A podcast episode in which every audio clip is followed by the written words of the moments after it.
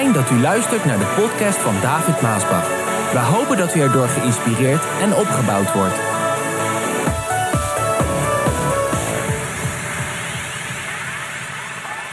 Deel 2 van de Vlammende Kerk, de serie De Vlammende Kerk.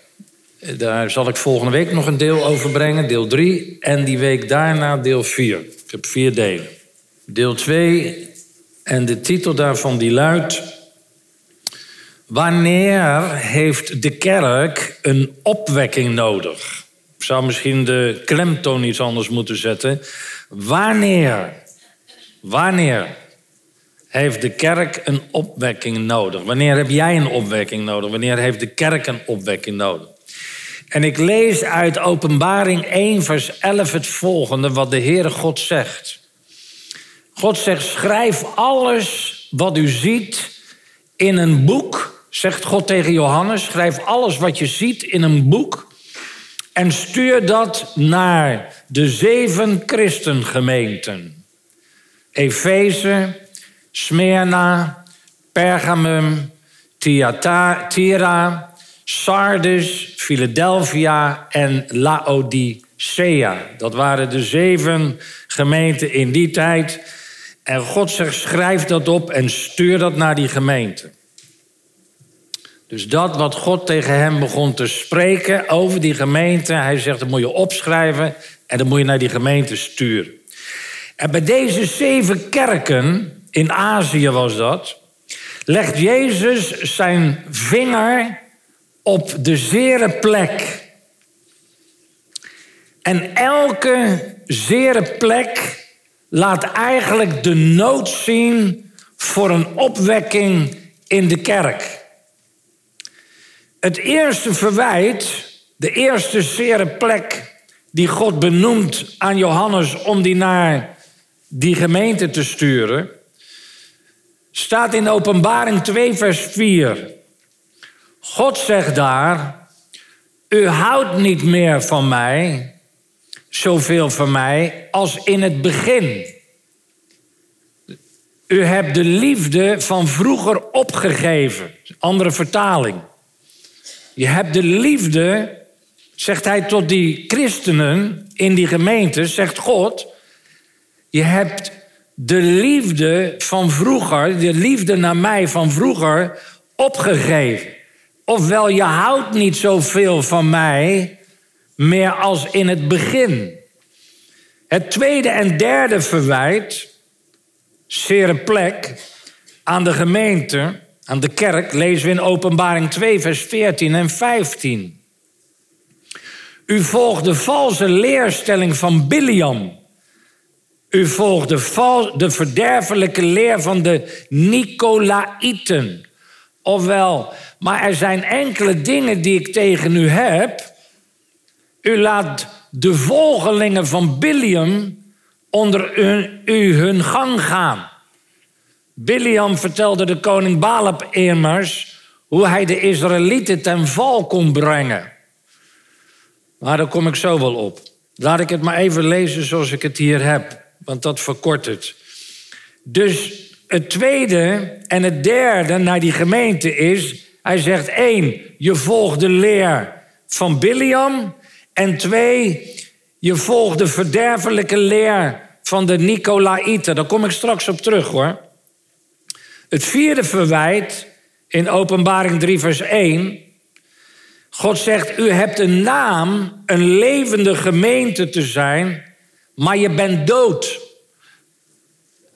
Je hebt een naam om een levende gemeente te zijn, maar je bent dood zegt God tegen die kerk.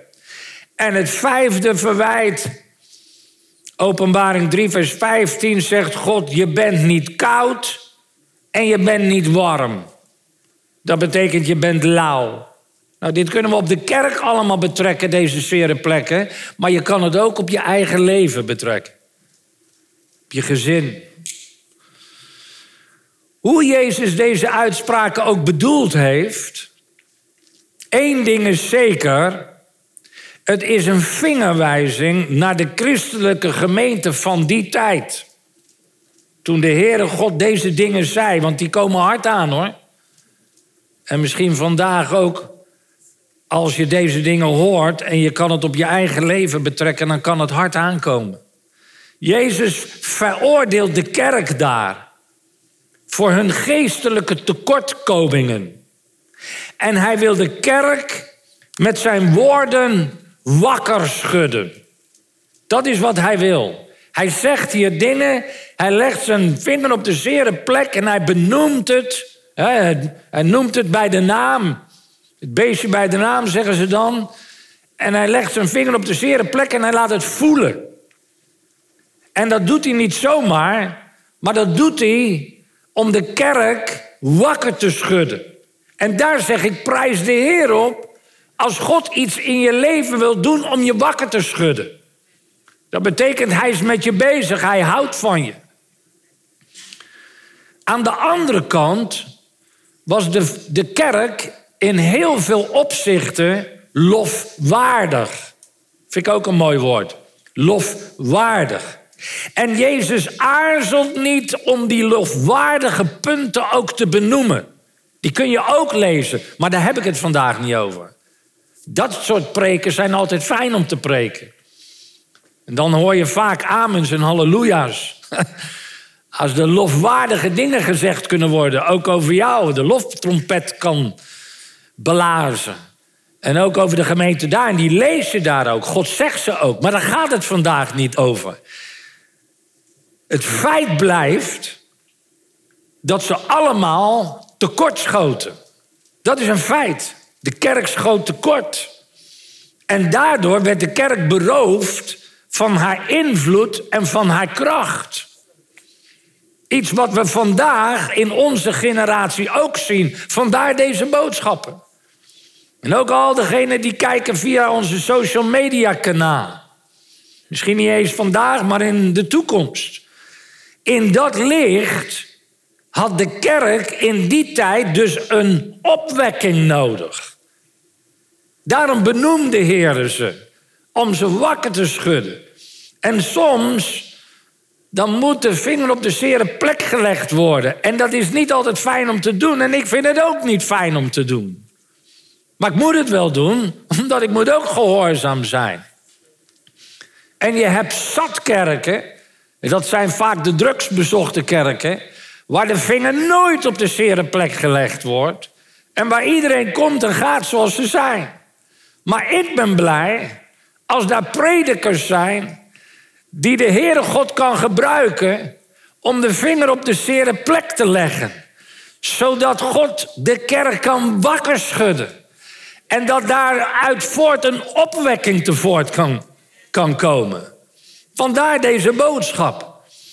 En de kerk heeft vandaag ook een opwekking nodig. Prijs de Heer, wij kunnen ook een opwekking gebruiken. In de Blessing Kerken. Ten eerste, nou wil ik op de punten ingaan. Ten eerste, het eerste verwijt. U houdt niet meer zoveel van mij als in het begin. Lezen we dat ook? Ja. U houdt niet zoveel van mij meer als in het begin. Nou, er zijn drie karaktereigenschappen die de eerste liefde in zich meebrengt. En ik ga ze benoemen. De eerste karaktereigenschap is van de eerste liefde is intense enthousiasme. Intense enthousiasme. Luister maar eens naar een meisje die voor het eerst doorheeft dat ze verliefd is op een jongen. Luister maar hoe ze praat.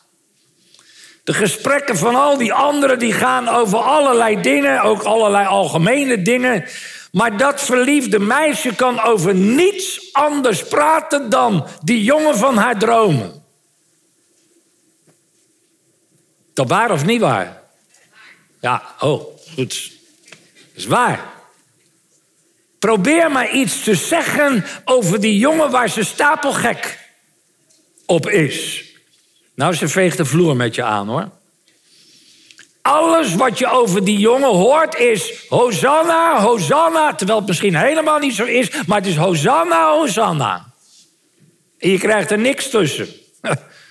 Haar hartsvriendin die vergelijkt die jongen met een andere jongen.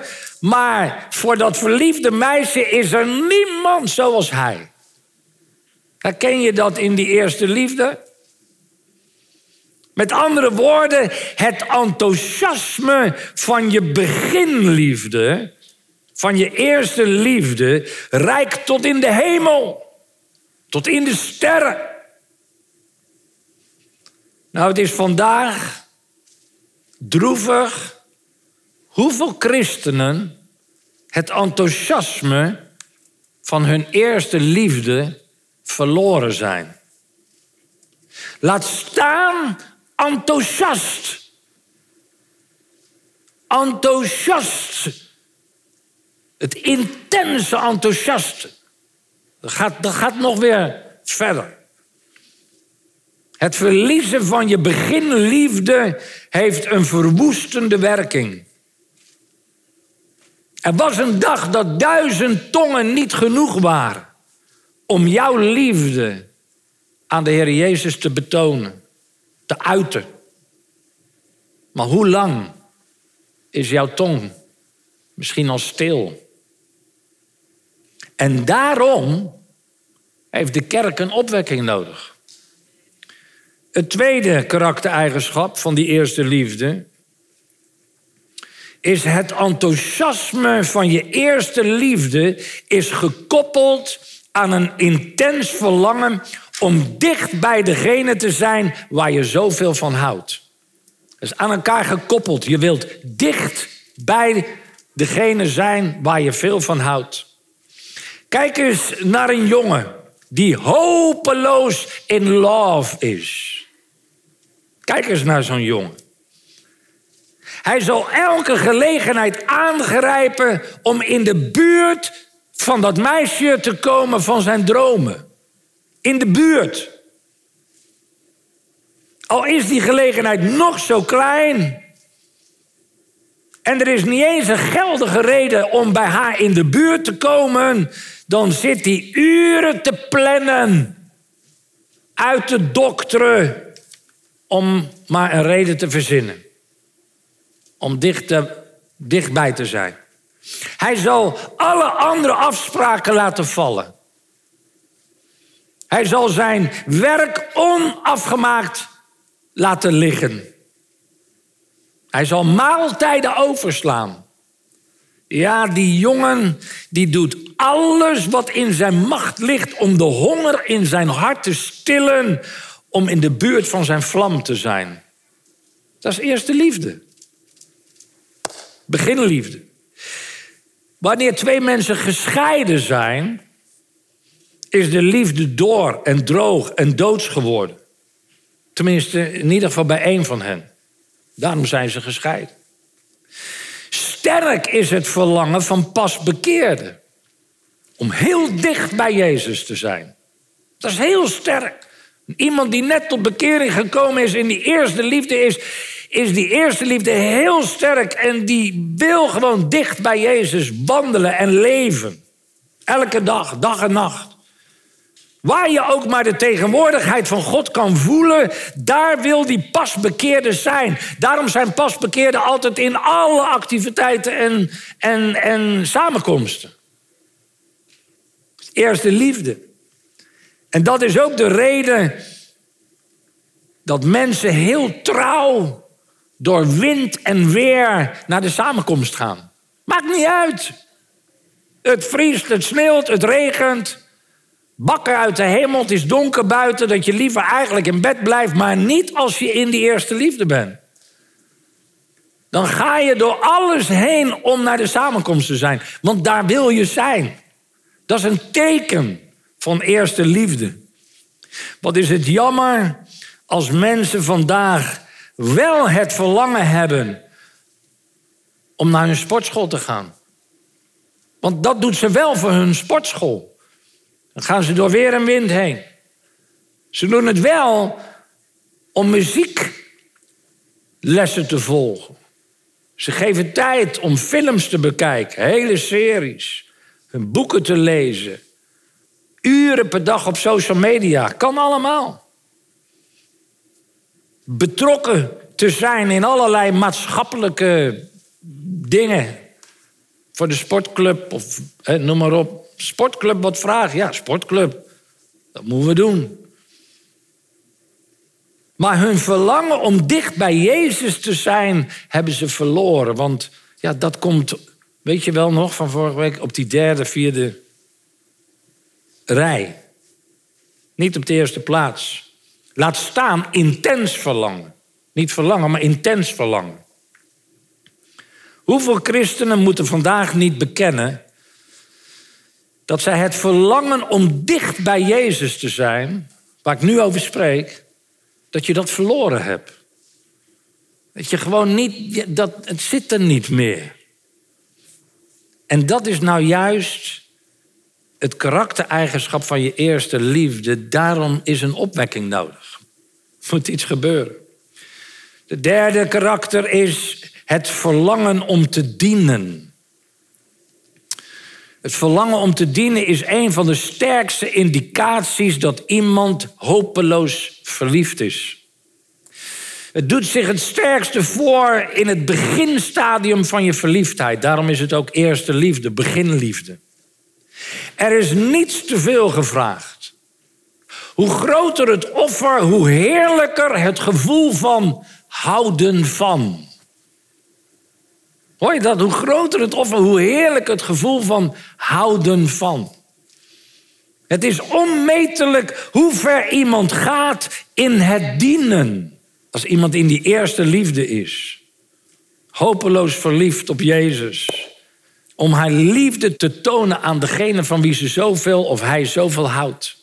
Iemand gaat in de eerste liefde heel ver. En daarom hebben pasbekeerden zo'n groot verlangen in het hart om Jezus met hun hele hart te dienen. Volgen en gehoorzaam. Jezus heeft zoveel voor mij gedaan, hoor je dan. Zoveel voor mij gedaan. Heer, wat kan ik voor u doen? Zeg maar, maakt niet uit wat. Stofzuigen, schoonmaken. S'nachts, weekends, geen probleem, Heer. Dat merk je allemaal iemand praten in die eerste liefde. Jammer dat zoveel christenen vandaag moeten bekennen dat het vuur om God zo te dienen bijna is uitgedoofd. Misschien bij sommigen helemaal. Maar dat is juist het karaktereigenschap van die eerste liefde, dat dienen. En daarom heeft de kerk een opwekking nodig. Vandaar deze boodschap. Het tweede verwijt was de valse leerstelling van Biliam. De meesten weten niet wat dat betekent, maar dat ga ik even uitleggen. Dat is belangrijk. Want het gaat over de boodschappen, de vlammende kerk. En ik kom daar natuurlijk bij die opwekking komende week. Valse leerstelling van Biliam. Zegt God tegen de gemeente, tegen christenen, de kerk, niet de wereld, tegen christenen. Toen de Israëlieten na vele overwinningen bij de rivier de Jordaan kwamen, stond er nog maar één volk tussen hen en het beloofde land. En dat waren de Moabieten. Balak was de koning van dat land.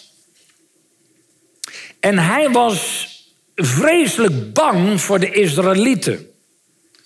Vanwege hun vele en grote overwinningen. Want dat, dat gerucht dat was allemaal voorgegaan dat overal waar de Israëlieten op hun weg naar het beloofde land kwamen, versloegen zij de vijanden. En dat, dat ging natuurlijk vooruit. Dat kwam dus ook bij de Moabieten, dat kwam ook bij de koning Balk. Dus hij was vreselijk bang voor die Israëlieten. Want hij hoorde van een of andere onzichtbare kracht die bij hen was. De Israëlieten hadden een of andere onzichtbare kracht. Waardoor ze elke keer die volkeren versloegen, in de pan hakten. En de strijd wonnen. En hij dacht, als ik niet op een of andere manier die onzichtbare kracht uitschakel, dan zijn wij straks aan de beurt als ze komen. Dus hij was daar bang voor. En dan ben ik verslagen, dacht hij. En daarom verzon koning Balak een plannetje. Hij zond de profeet Biliam, want dat was een profeet, die zond hij naar de Israëlieten toe om hen te vervloeken. Biliam, ga naar de Israëlieten en vervloek hen. Maar elke keer als Biliam hen wilde vervloeken, werd hij gedwongen om hen te zegenen. Dat kan alleen God doen. Dus hij gaat erheen en wil ze vervloeken. In plaats dat er vervloeking uit zijn mond komt, komen de zegeningen uit zijn mond. Hij zegent het volk. Ten einde raad veranderde Biliam zijn tactiek, want hij kwam erachter. Joh, wat doe je nou? Ben je gek geworden? Dus hij begon zijn tactiek te veranderen. In plaats van hen te vervloeken, begon hij een vals gerucht te verspreiden. Namelijk dat het helemaal niet erg was voor Israël om niet afgescheiden te leven. En dat het best wel oké was om te trouwen met een Moabitische vrouw. Dat gerucht. Is oké joh, je hoeft niet zo afgescheiden te zijn. Geen probleem, mooie eh, Moabitische vrouwen, trouw daarmee. Maar God had die dingen juist uitdrukkelijk verboden. God wilde dat ze afgescheiden leven. Biliam zei: Nee, dat is niet erg, joh. Dat was het gerucht. En vele Israëlieten volgden Biliams advies op. En het gevolg was dat er een plaag kwam. Waardoor 24.000 manschappen uit het leger stierven. Door die plaag. Het gevolg daarvan was weer dat het leger uitgedund werd. En het gevolg daarvan was weer dat Israël verzwakte in haar slagkracht. En het vervolg daar weer op was dat ze verloren. Zie je hoe dat allemaal in fase in werk gaat en hoe de duivel dan eigenlijk daar allemaal al zijn tactieken voor gebruikt. Met andere woorden, zolang Israël de muren van het afgescheiden zijn tussen hen en de heidense volken omhoog hielden, waren ze sterk. Maar het moment dat ze die naar beneden haalden, verloren zij hun kracht. En lieve mensen, de kerk heeft een sterk getuigenis zolang er duidelijke grenzen zijn. Jij ook. Jouw gezin ook. Je huwelijk ook. En de kerk ook. Wij zijn sterk in ons getuigenis als we duidelijke grenzen hebben. Zolang er een duidelijke grens tussen de gelovigen en ongelovigen ligt, zijn we bijna, zijn we, bijna, zijn we onoverwinnelijk. Is de Heer met ons? Zal zijn zegen op ons rusten. Maar als de kerk de leer van Binjam dus volgt, dan verliest ze haar invloed en kracht. En omdat de kerk van vandaag hierin dus gefaald heeft, want dit is wat je ziet in de kerk, eh, in de brede zin van het woord, wat er allemaal binnen wordt gehaald, en de gelijkvormigheid, daarom heeft de kerk een opwekking nodig. Het derde verwijt, derde zerde punt, de leerstelling van de Nicolaïten. De Nicolaïten hadden een soort hiërarchie in de kerk dat alleen maar de deur naar geestelijke hoogmoed opende. Zij hadden een soort hiërarchie van ik ben geestelijker dan jij. Ik ben heiliger dan jij. Ik ben beter dan jij. Dat is wat zij hadden daar. Dat was een soort leer. Lieve mensen, als er één ding is waar de Heere God een hekel aan heeft, dan is het hoogmoed. Hij zegt, de hoogmoedige wedersta ik, maar de nederige geef ik genade. Hoogmoed is een van de grootste hindernissen in de kerk. En een van de grootste hindernissen in het leven van een kind van God, waardoor je niet kunt groeien in Gods kracht, in Gods genade. Hoogmoed is ook een grote hindernis voor een opwekking in de kerk. Een opwekking in je leven. Als er ooit iemand was die eigenlijk zich boven zijn broeders kon stellen, broeders en zusters kon stellen en plaatsen, dan was het Paulus, de apostel Paulus. En toch zegt hij: Ik heb niks te roemen dan alleen in het kruis van Jezus Christus.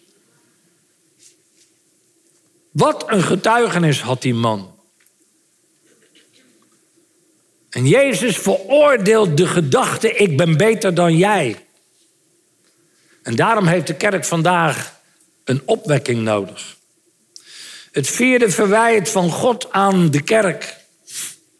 Hij benoemt het. Hij zegt een naam, maar dood. Je hebt een naam, maar dood.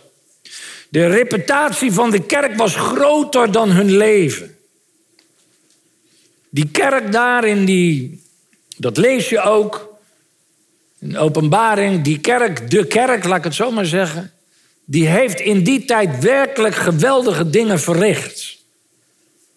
Naamsbekendheid kwam daar. Was natuurlijk daar in die eerste bewegingen na de uitstorting van de Heilige Geest. Hun naam, hun faam had door de jaren heen stand gehouden. Met al de druk en tegenstand en toestanden. Maar hun geestelijk niveau was zo ver gedaald dat ze geestelijk dood waren. Befaamd, beroemd, gevierd, bekend, maar dood. Hoeveel kerken zijn er vandaag in ons Nederland die zich dit verwijt moeten aantrekken? Hoeveel christenen zijn er die dit verwijt van God aan de christenen aan moeten trekken? Hoeveel kerken zijn er niet die alleen maar kunnen praten over waar we het vorige week hadden, die goede oude tijd? Goeie oude tijd. Die goede oude tijd met volle kerkbanken. Die goede oude tijd met druk bezochte gebedsdiensten. Evangelisatiediensten. Ja, die goede oude tijd van Holland Wonder 1958 op het Malieveld. Die goede oude tijd. Maar kijk hoe de kerk er vandaag voor staat. Nou, wij kunnen ook wel een opwekking gebruiken. De Blessingkerk. Een Blessingkerken. Meer dan duizend kerken staan leeg in Nederland. Hallo, wist je dat? Meer dan duizend kerk, duizend kerkgebouwen staan leeg in Nederland. Die eens vol waren met mensen. Toen ze gebouwd werden. Zo dood als een pier. Die kerken zo dood als een pier. Geen ziel te bekennen. Het zijn monumenten geworden van die goede oude tijd. Dat goede oude tijd van christelijk Nederland. Toen al die banken nog gevuld waren met opgaande mensen. Wanneer de kerkklokken luidden. En iedereen ging op naar de kerk. In dit licht, als we dit benoemen dus, en ik doe dat ook vandaag. En die moet ik benoemen om bij deel 4, 3 eh, en 4 te komen. In dit licht heeft de kerk niks om trots op te zijn. Als je kijkt naar duizend lege kerken. En daarom, lieve mensen, heeft de kerk een opwekking nodig vandaag. Al die kerkbanken kunnen met een opwekking gevuld worden. Al deze stoelen kunnen met een opwekking gevuld worden. Het laatste, vijfde verwijt.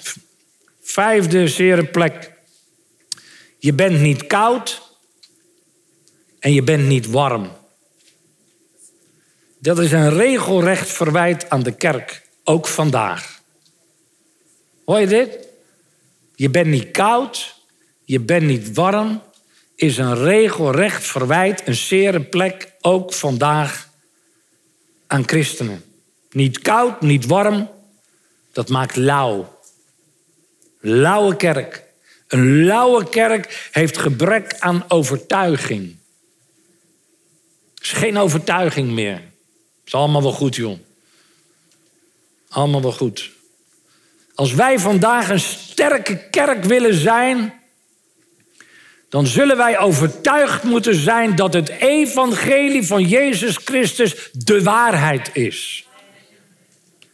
Als wij een sterke kerk willen zijn, dan zullen we overtuigd moeten zijn dat de Bijbel, Gods woord, de waarheid is. Overtuigd. Als prediker van het evangelie, als getuige, gij zult mij getuigen zijn, dat ben jij ook. En ik als prediker van het evangelie, als prediker en als getuige, zal je die waarheid in volle overtuiging moeten kunnen prediken. Moeten kunnen vertellen aan andere mensen. In overtuiging. De kerk die haar overtuiging heeft verloren dat de Bijbel de waarheid is, zit in grote nood. En dat is wat we in ons land zien. Hoe kun je iemand overtuigen als je zelf niet overtuigd bent? Simpel toch? De kerk moet de vlammende kerk zijn. Of anders gezegd, in vuur en in vlam voor Jezus staan. New Jenner. Met de volle overtuiging prediken dat de Bijbel, het woord van God, is de waarheid. Niets anders dan de waarheid. En omdat dit vandaag dus niet zo is, heeft de kerk een opwekking nodig. Want de titel was: Wanneer heeft de kerk een opwekking nodig? Dat is wat ik benoem vandaag. Eén, je houdt niet zoveel meer van me zoals in het begin. Twee, je bent gelijkvormig geworden aan de wereld. Drie, je bent hoogmoedig geworden. Vier, je bent niet levend, maar dood. En vijf, je bent niet koud en je bent niet warm. En dat maakt lauw. Lieve mensen, Gods geest legt vandaag de vinger op de zere plek. En de zere plekken in de kerk, maar ook de zere plekken in het leven van christenen, christelijke gezinnen. Heel persoonlijk. En als wij gehoor geven aan datgene wat de Heer dus zegt, omdat Hij ons wakker wil schudden, dan kan God verandering brengen. Alleen als je gehoor geeft, dan kan God verandering brengen. Ook hier, ook in de Blessing gemeente, ook in jouw leven.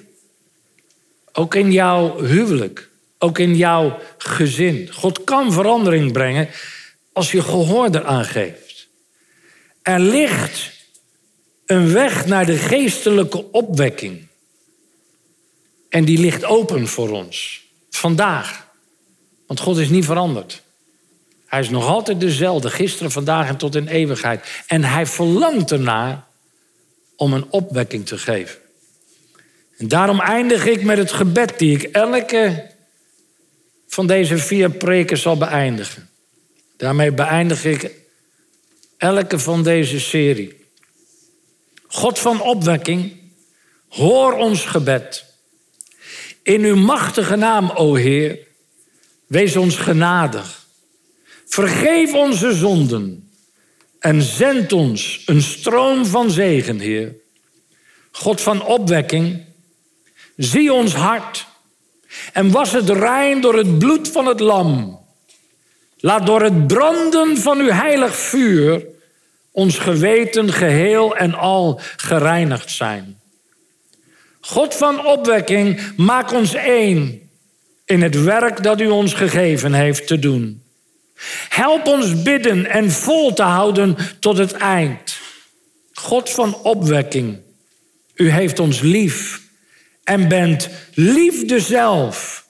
Herstel in ons de blijdschap, vreugde, vrede en de rust. Stort uw geest uit zoals voorheen en sterk ons hart, o Heer. God van opwekking, schenk ons alstublieft dit, dat u zondaars redt, gebondenen bevrijdt en zieken geneest. Ja, Heer, maak ons getuigen van uw trouw en uw grote kracht, maar bovenal hoor vandaag ons oprecht gebed. Amen.